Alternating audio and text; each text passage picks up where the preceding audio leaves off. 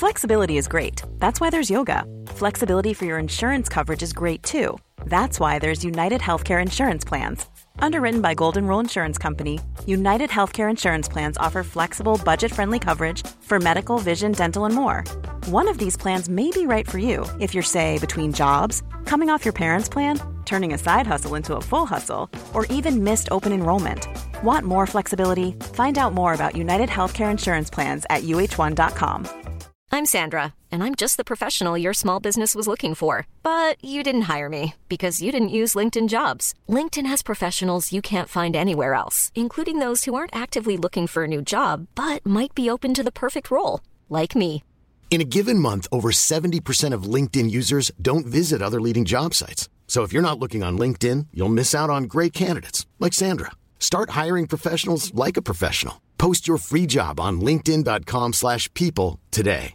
Ready to pop the question? The jewelers at BlueNile.com have got sparkle down to a science with beautiful lab-grown diamonds worthy of your most brilliant moments. Their lab-grown diamonds are independently graded and guaranteed identical to natural diamonds, and they're ready to ship to your door. Go to BlueNile.com and use promo code LISTEN to get $50 off your purchase of $500 or more. That's code LISTEN at BlueNile.com for $50 off. BlueNile.com code LISTEN. There's never been a faster or easier way to start your weight loss journey than with PlushCare. PlushCare accepts most insurance plans and gives you online access to board-certified physicians who can prescribe FDA-approved weight loss medications like Wigovi and Zepbound for those who qualify. Take charge of your health and speak with a board-certified physician about a weight loss plan that's right for you. Get started today at plushcare.com slash weight loss. That's plushcare.com slash weight loss. plushcare.com slash weight loss. Hey there, it's Michelle Norris. I'm host of a podcast called Your Mama's Kitchen. When I travel, I'm usually looking for a way to find a taste of home when I'm not at home. And one of the things I love to do when I am at home is entertain. And Airbnb allows me to do that. When I was in California recently, I rented a house that had a great kitchen. And when we were sitting around the table, we were all thinking, we're in someone else's house. Someone could be in all of our homes as well. If you have a home, but you're not always at home, you have an Airbnb. Your home might be worth more than you think.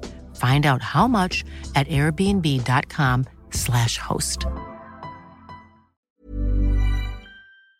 Välkomna till Krönikörerna med Elin af Klintberg och... Vänta, stopp nu, någon som inte har stängt av sin dator.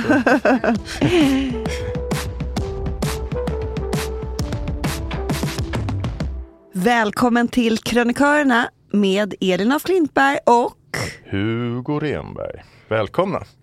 Jag är lite sugen på att börja idag, får jag göra det nu? Ja, shoot. Snabbpremissen då, vi pitchar två idéer på varandra och den andra väljer en som man springer på, två spaningar. Så här är mina två, nummer ett, vad i helvete röstar du på? Jag ska berätta vad jag röstar på, eh, men framförallt ska jag överraska dig stort med information om vad det egentligen är som avgör vår politiska hållning. Mm, spännande. Visst. Lite laddat med politik. Ja, visst. Nummer två då, säg mig din favorit Succession-karaktär så ska jag berätta vem du är. Kendall. Ja.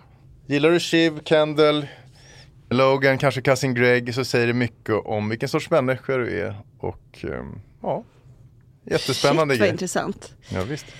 Bra ämnen båda två, men allt som är lite laddat och tabu går jag igång på. Så att eh, politik, my friend.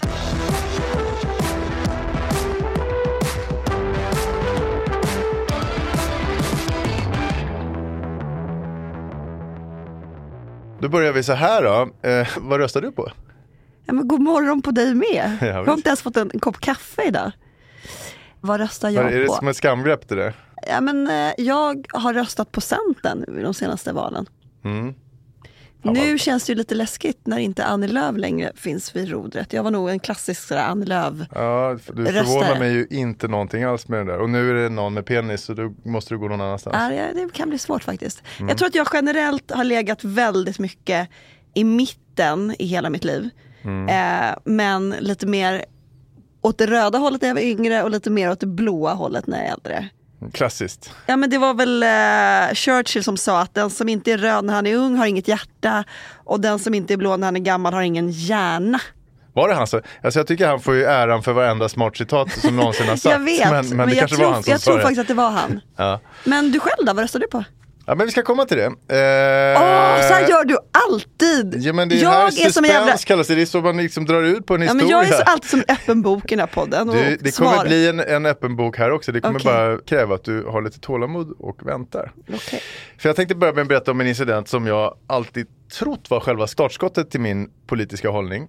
Och jag måste nästan be lyssnarna om ursäkt för att återigen ska jag bli en gammal skröna om min pappa, men han var kul och... Är du rätt- nya Alex Schulman? Ja, ja för det är fan mig. Nej, men han var rätt rolig och spänstig i, i hjärnan och så här. Och det är precis som för mig Alex Schulman antar jag, så funkar det här med att berätta gamla historier om sin döda pappa som sättet att hålla honom vid liv. Så därför det finns en risk att jag kommer fortsätta med det eh, framgent också. Hur som helst, riksdagsvalet 1994, det var första gången jag skulle få rösta. Jag låg i lumpen den hösten, jag var totalt ointresserad av allt som eh, hette politik. Men nu är du väldigt engagerad. Mer i alla fall. Okej. Då var det det enda som upptog bandbredd i mitt huvud var hur jag skulle få pengar till helgens supande. Jag var kanske inte, ingen fullblodsidiot men otroligt enkelspårig. Som man väl är när man är 18-19 år. Det känns som just du har gjort en extra stor resa. Eh, Det vet jag inte om jag har men, men eh, hur som helst, september då, valsöndagen, då satt jag i köket hemma och åt frukost och var pank och bakfull och hade Alltså hemma hos dig eller din Nej, pappa jag flyttade mamma? inte hemifrån förrän jag var 22 eller något sånt Oj, där. Jag var sen. late bloomer. Sen på att klippa navelsträngen. Okej. Ehm, Satt hemma hos vem? Din pappa ja, eller men då mamma? satt jag hemma hos min eh, pappa och hans fru då. Eller flickvän kanske det var. Skit i samma. Pank, bakfull, hade en jävla ångest för att jag snart skulle ta en buss ner till Karlskrona och flottan och lumpen igen som man gjorde då på söndagskvällarna. Och mellan de här frukosttuggarna så frågade pappa mig om jag hade bestämt mig för vilka jag skulle rösta på.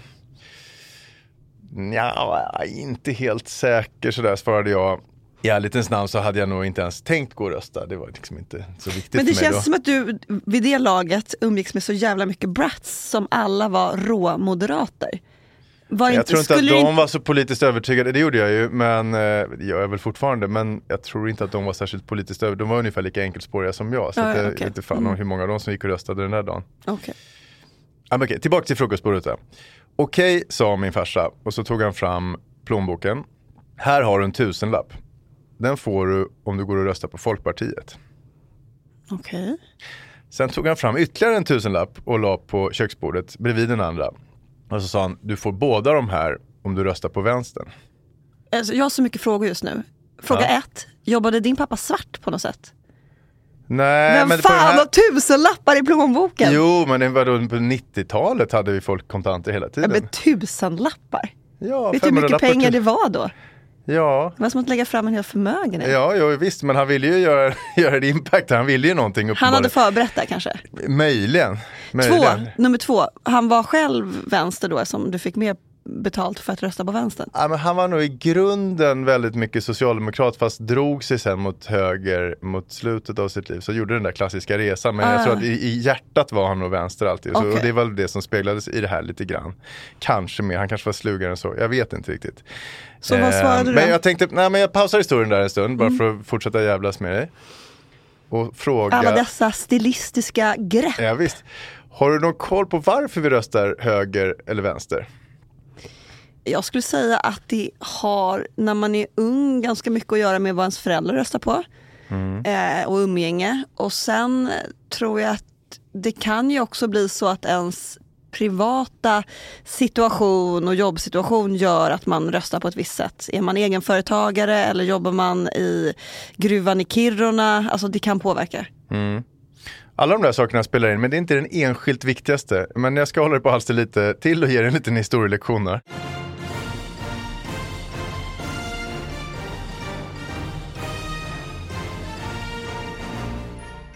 Klassiska höger-vänsterskalan föddes under franska revolutionen 1789. I nationalförsamlingen i Paris satte sig ledamöter som ville förändra samhället till vänster medan de som hellre bevarade det gamla systemet bänkade sig till höger. Där kom höger-vänsterskalan igång. Och stora delar av den politiska teorin, inte minst Karl Marx, utgår ju från att vi väljer ideologi efter egenintresse, lite som du var inne på där. Mm. Man tänker att förmögna och mäktiga lutar åt höger för att de vill stanna kvar på toppen. Medan de mindre bemedlade knegarna gärna vill förändra sakernas tillstånd och rösta följaktligen till vänster. Mm. Apropå det här att rösta efter egenintresse. Jag hade en skitbra kemtvätt på Skeppargatan som drevs av en syriansk kvinna. Mm. Som kan vara den mest övertygade Sverigedemokraten jag någonsin har mött. Mm, okay. Syrian, sverigedemokrat. Ja, men exakt. Klingar Jag var- ganska falskt, eller hur? Jag var stamkund och ägnade så jävla många små minuter där åt att försöka få henne att förstå att hennes parti inte ville veta av henne. Men det gick inte in. Eller så brydde hon sig inte. Hur som helst, man har gjort undersökningar på vad det är som egentligen avgör ens politiska riktning. Och när jag läste om det här blev jag uppriktigt förvånad. För Okej. just egenintresse ligger ganska långt ner på listan. Eh, och det är lite fint. Ja, det är bra. Och då tänker man, då är det väl polarna eller föräldrarna eller vilka böcker man läst eller föreläsningar man gått på. Att man verkligen tror som- på en ideologi kan det också vara. Precis, Ja. men vad är det som gör att man tror på den Ja, ideologin? just det. Varför? Vännerna, föräldrarna. Det är nämligen inte någon av dem där. På första plats, den enskilt viktigaste faktorn för din politiska hållning.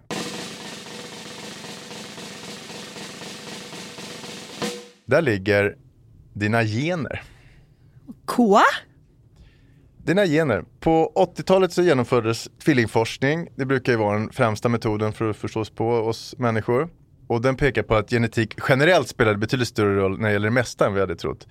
Det avgör inte bara om du är blyg, om du är eldig, musikalisk, om du gillar sushi mer än hamburgare. Eller om du tycker Succession är bättre än en Beck-film. Det påverkar också i allra högsta grad om du gillar löntagarfonder eller rutavdrag. Om du lutar åt vänster eller åt höger. Hade jag ingen aning om. Nej, visst är det rätt intressant? Ja men alltså är det här, är det här äh, evidensbaserat skulle du säga? 100% evidensbaserat. Okej. Annars skulle det aldrig vara i den här Nej, jag 100% fattar. vetenskapliga Jag podden. fattar, jag fattar. förstås. Även hur? enligt evolutionsbiologen och författaren Richard Dawkins kan man hänföra ungefär 40% av vår ideologiska hållning till genetik. Genuppsättningen mellan politiskt höger och vänstervridna skiljer sig nämligen åt. Handlar främst om gener som är kopplade till signalsubstanser som serotonin, dopamin. Konservativa reagerar starkare på faror, alltså serotonin.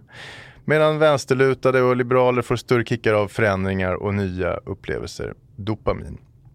I, I USA gjorde man en studie som visar att människor som reagerar starkt på plötsliga ljud och hotfulla bilder också i större grad stödjer dödsstraff, stor försvarsbudget och patriotism. Trump-anhängare helt enkelt. Ja, säger du. Men de som inte är lika känsliga för ljud och ljus vill ha en liberal invandringspolitik, pacifism och tuffare vapenlagar. Bengt Westerberg kom tillbaka. Ja. Alltid för Ja, men med den där vetenskapliga insikten så kan vi väl hoppa tillbaka till vårt kök 1994. Den där bakfulla septembersöndagen. Och de 2000 lapparna som ligger där på bordet och glöder. Vad tror du jag valde och gick och röstade på? Du tog 2000 lappar och röstade första och enda gången på vänster. Ja, det låter ju rimligt givet hur, Jag tänker, du sa hur ju- jag var. Ja, Ja, nej, men, så var, jag lockades ju oerhört mycket av de där 2000 lapparna. De hade ju liksom finansierat en hel månads partajande. Eh, du var ganska billig i drift på den tiden. det var jag Det absolut. var inga fina viner då inte. Nej, det var det verkligen inte. Utan det var det billigaste. Billigaste man kunde dra i sig. Men någonting, och kanske då, eller förmodligen någonting i min genuppsättning fick mig att låta bli. Jag kunde inte. Det är något med yttervänstern som får det knyta sig i magen på mig. Samma med ytterhögern. Jag är också väldigt mycket mittenskvalpare. Däremot tog jag glatt den ena tusenlappen och gick och röstade på Folkpartiet. För det var en ideologi som passade mig och mina medfödda moraliska instinkter ganska bra. Kanske, förmodligen så anade väl min farsa det här. Han var slug. Han var slug och jag har ju fortsatt rösta precis likadant sen dess. Men du vet att de inte längre heter Folkpartiet va? Jag vet, fast jag är så gubbig så jag säger Folkpartiet fortfarande. Okej.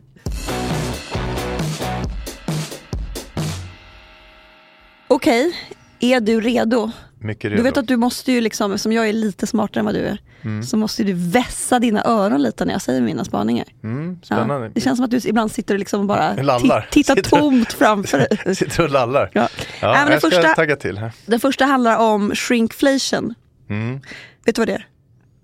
Eh, Att man, uh, shrinkflation, nej det låter, ska man gå Alltså- till mycket terapi? Nej, nej, nej. Det handlar om hur produkter under inflation krymper samtidigt som priset ökar. Det vill säga att de blir mindre men priset blir högre.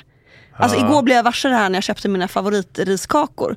Och döm om min förvåning när de var liksom 4 cm kortare men kostade 4 kronor mer.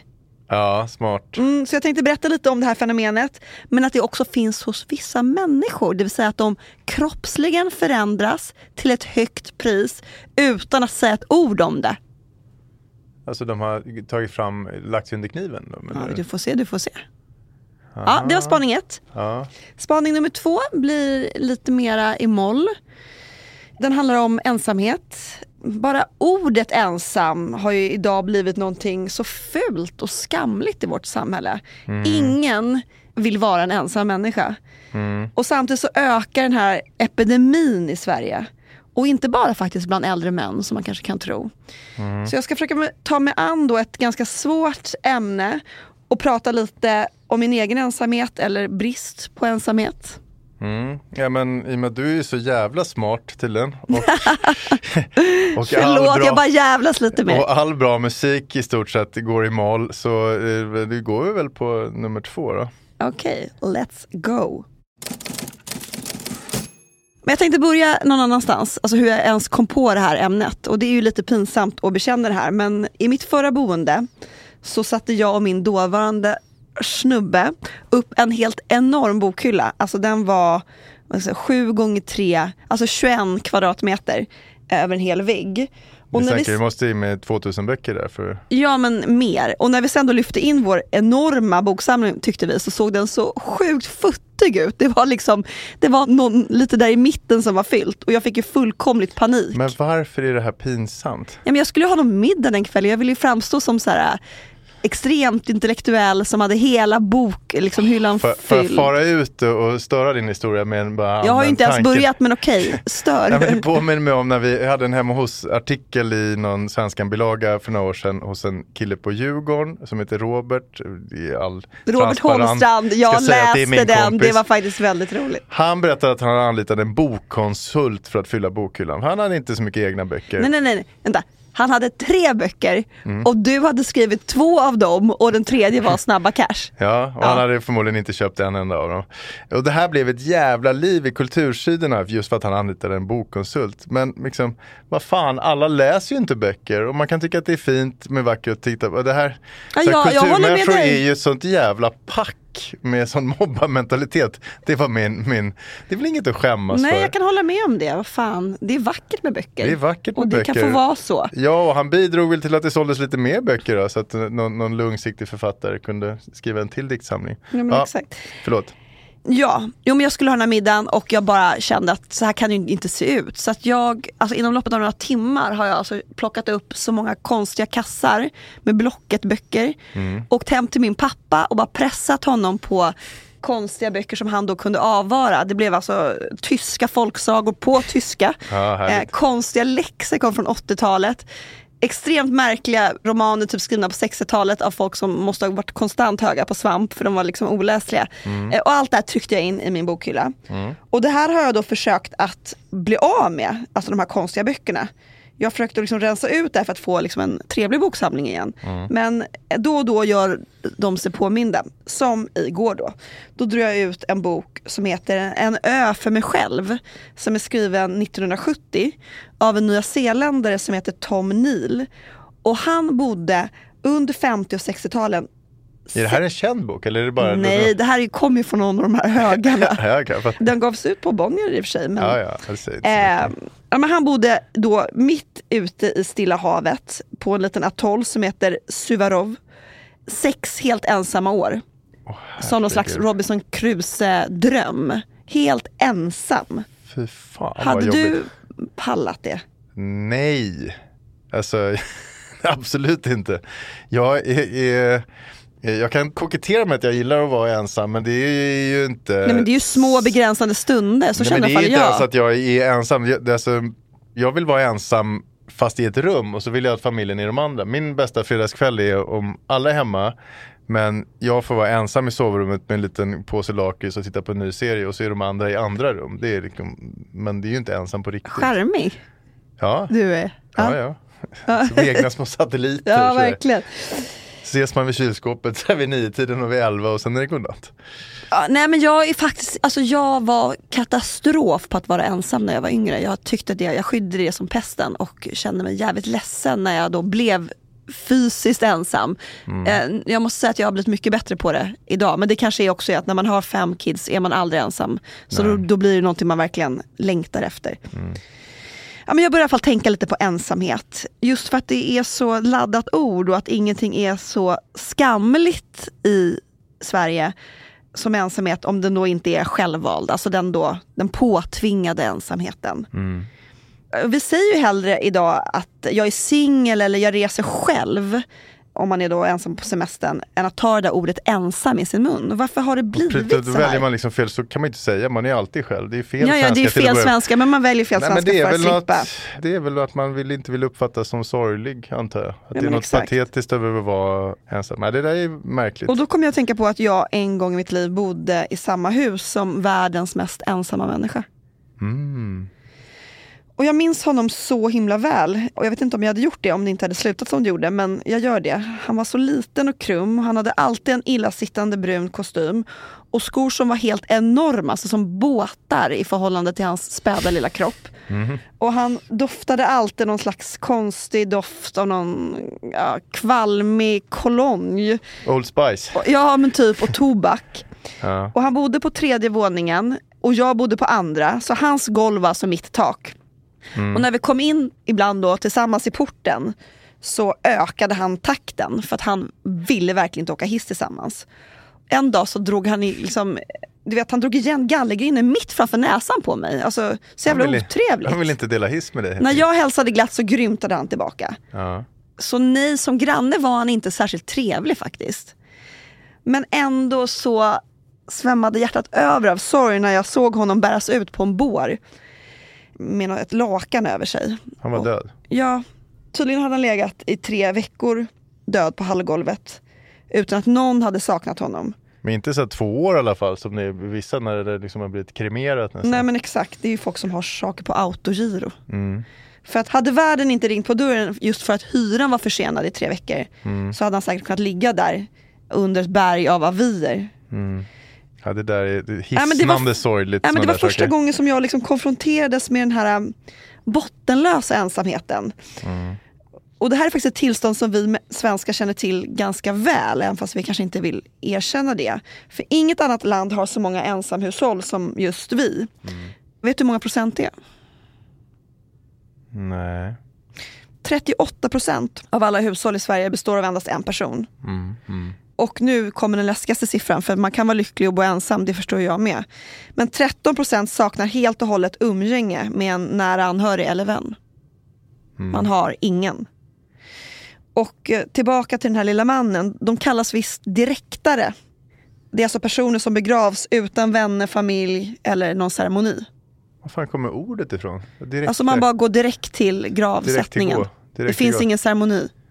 Nej okej, okej, okej, det finns ingen, okej det är inget kök, man bara sätter, Ja, sätter, rakt ner i sätter jorden, människan i liksom. jorden. Jaha, Och sen, okej. ja, men jag börjar tänka så mycket på i efterhand liksom, vad jag hade kunnat göra. Jag börjar tänka på honom som en en person. Vem var han? Varför avskrev jag bara honom som en sur gammal gubbe? Och jag mötte aldrig hans blick på riktigt. Tänk om jag någon gång hade frågat honom vad han hade i sina liksom, ICA-kassar. Han gick ju faktiskt varje dag till ICA. Eller varför han grät en nyårsafton. För det hörde jag, alltså att han grät jättemycket nyårsafton. Eller jag kunde faktiskt frågat vad han hette. Jag vet inte ens vad han hette i Men du förnamn. försökte ju, är du också lite förmäten? Tror du att du som lilla flickan hade kunnat lysa upp hans liv, hans ensamma gubbe? Han kanske tyckte det där Ja. var, han kanske var svinnöjd över sin ensamma tillvaro. Men han kanske verkligen tröttnat på det? kvinnor, hade provat innan och tyckte det var tjatigt. Nej, Eh. alltså jag tror att vi alla kan göra någonting för ensamma människor genom att bara lyfta blicken och bara vara människa tillbaka. Ja, men vad fan, du försökte ju. Nej, men jag försökte dela hiss och säga hej, men ja. Ja. ja. Men hur som helst, ensamhetsepidemin drabbar ju inte bara äldre män, även om de förstås är överrepresenterade. Idag är det liksom människor i alla åldrar och kategorier som lever isolerade i något som då kan beskrivas som icke självvald ensamhet. Vet du vilka som känner sig mest ensamma i Sverige? Hmm. Gamla? Mm. Man kan säga så här, på första plats så är det unga vuxna. Och sen är det gamla.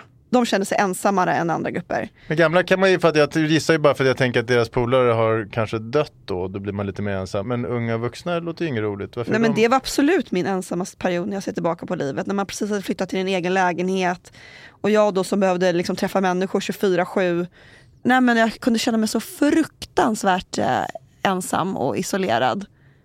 Alltså just för att du inte träffade någon en specifik dag? Eller Ja, men för att man, inte, man är ingen färdig människa. Man liksom tampas med så jävla mycket inom sig själv, vem man ska vara, var- man står och så, så är man fysiskt ensam i rummet. Eh, Så är man, är man bakfull på det. Hjärnan Mm. är inte färdigvuxen. Alltså jag tror det var min ensammaste period. Mm. Din ensammaste period? Du var ju, är ju smartare än jag så du hade väl liksom utvecklat ett större intellekt och så du kunde känna mer. Jag var ju uppenbarligen kände mer, ingenting, Jag var ju du mer var- som en amöba låter Ja. som när jag var. Nej, Glad, men jag, glad och dum. glad och dum. Eh, Nej men det måste ju vara när man Alltså jag tror att jag har känt mig mest ensam när man är själsligt ensam i en relation, vilket händer ibland. Jag har alltid haft lite familj och mycket kompisar sådär runt mig. Men ibland när man hamnar snett i en relation och man inte klickar där. Då kan Mm. Men det man känna brukar, kallas sig, för, det brukar ju eh, kallas för existentiell ensamhet. Ja, den är ju inte riktig och det är ju inte synd om den som hamnar där. Men då kan man ju känna sig ensam fast på ett annat eh, märkligt vis. Jag tycker att existentiell ensamhet är någonting jätteläskigt. Hur man då kan vara omgiven av vänner, familj, en käresta och ändå känna sig sjukt ensam. Det, är ju, alltså, det kan jag bli riktigt rädd för. Där Ingen vill man ju förstår, inte hamna. Ingen förstår Elin. Nej men exakt, ingen förstår knyttet. Nej. Nej men tillbaka till de som är mest ensamma. Unga vuxna och gamla. Män är ju ensammare än kvinnor. Storstadsbor är ensammare än de på landet. Och sen finns det också ett klassperspektiv. Låginkomsttagare och arbetslösa är mycket mer ensamma än de med stadig ekonomi. Vad fan beror det på då? Jo men är du till exempel arbetslös så säger det sig själv att du på något sätt hamnat i någon typ av isolering. Det Och... blir skam tror jag. Den där är jävligt sorglig att höra. Men är det någon skamgrej kopplad till det? Tror jag? Att man drar sig undan som ett skadeskjutet djur då för att man inte tycker att man... Kanske. Men det blir väl så att du, om du hela tiden måste kämpa för din överlevnad rent ekonomiskt så kanske du inte heller har tid att liksom odla Nej. kontakter. Det kanske inte är det som blir det viktigaste. Mm.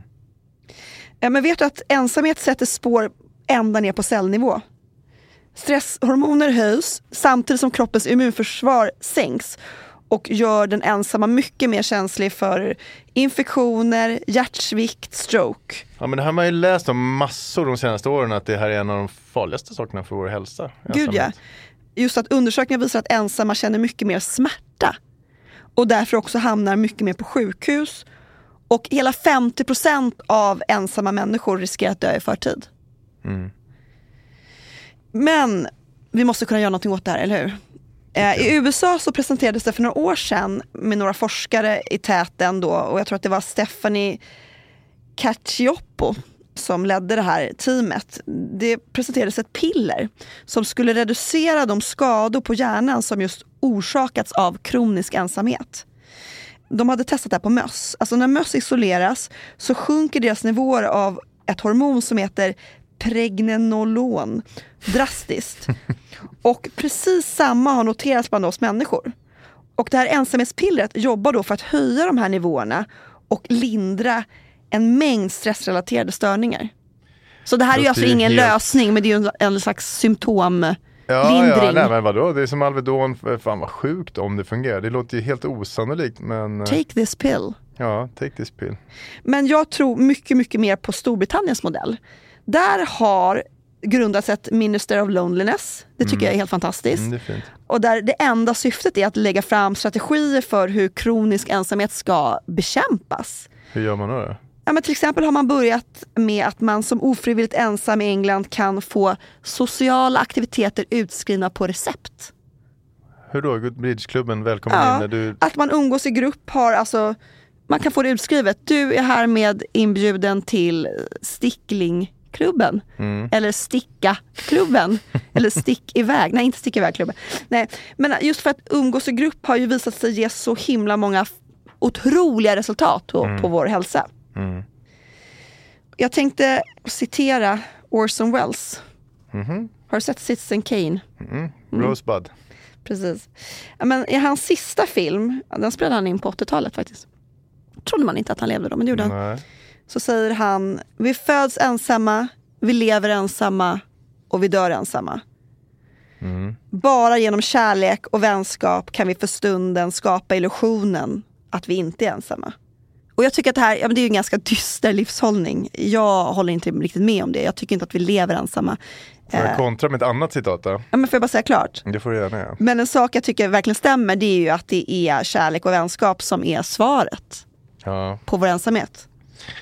Det finns ju någon känd gammal dikt av en gubbe som heter John Donne, No man is an island, så börjar den. Ja, precis. Eh, Det handlar ju om att människor på något sätt alltid hänger ihop med varandra. Mm. Om det är nå Om du har tagit ett sinnesutvidgande medel någon gång Jaha. så är det, och så liksom ska du tänka medan du gör det. Den största grejen som du tänker på, eller det du ska komma ihåg efteråt, det är att allting hänger ihop. Allting hänger ihop. Människor hänger ihop, naturen hänger ihop. Ja. Alltså pratar du om fint. droger eller alkohol? saker som kan göra att liksom öppna sinnena lite grann. Och Ah, som, ja. såklart hände i, i mitt liv för jättelänge sedan. Ah, ja, Eh, ja, men LSD. Det, det, det enda som du egentligen fastnar i är allting hänger samman. Det låter ju så jävla jönsigt Det är och det man landar i, Men det är liksom. hela tiden det du landar i. I slutändan varenda Det är liksom gång när du sitter där, det här är buddhism. så jävla spännande det som man har tänkt nu. Det är precis bara en sak, vi hänger ihop. Naturen hänger ihop. Vi gör ju det.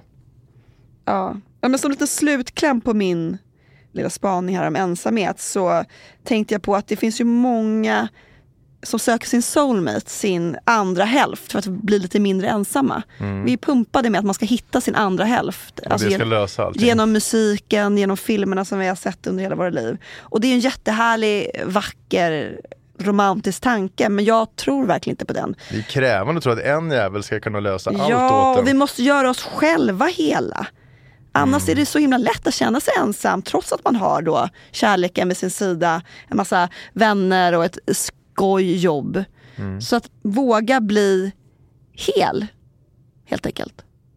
Det är inte så lätt. Nej, det är det fan mig inte. Ja, tack då den hyperbegåvade Depak av Klintberg för dagens insikter. Lektion. Eh, Tack eh, Hugo som har vuxit mycket eh, som människa eh, sen du var 18 år och skulle rösta första gången. Jag hörde att du skulle berätta någonting helt banbrytande eh, nästa gång vi ses. Det lovar jag. Fy fan vad spännande. Vi hörs snart. Mycket snart.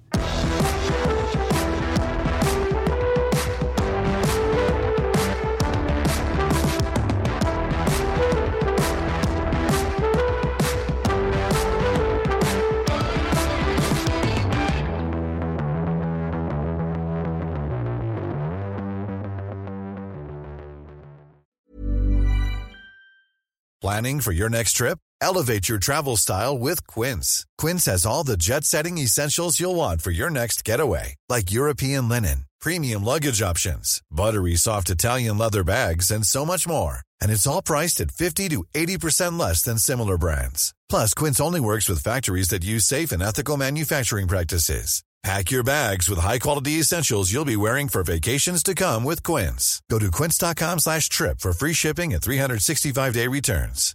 Flexibility is great. That's why there's yoga. Flexibility for your insurance coverage is great too. That's why there's United Healthcare Insurance Plans. Underwritten by Golden Rule Insurance Company, United Healthcare Insurance Plans offer flexible, budget friendly coverage for medical, vision, dental, and more. One of these plans may be right for you if you're, say, between jobs, coming off your parents' plan, turning a side hustle into a full hustle, or even missed open enrollment.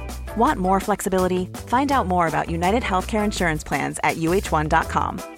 Imagine the softest sheets you've ever felt. Now imagine them getting even softer over time. That's what you'll feel with Bowl and Branch's organic cotton sheets. In a recent customer survey, 96% replied that Bowl and Branch sheets get softer with every wash. Start getting your best night's sleep in these sheets that get softer and softer for years to come. Try their sheets with a 30-night guarantee. Plus, get 15% off your first order at bowlandbranch.com. Code BUTTERY. Exclusions apply. See site for details.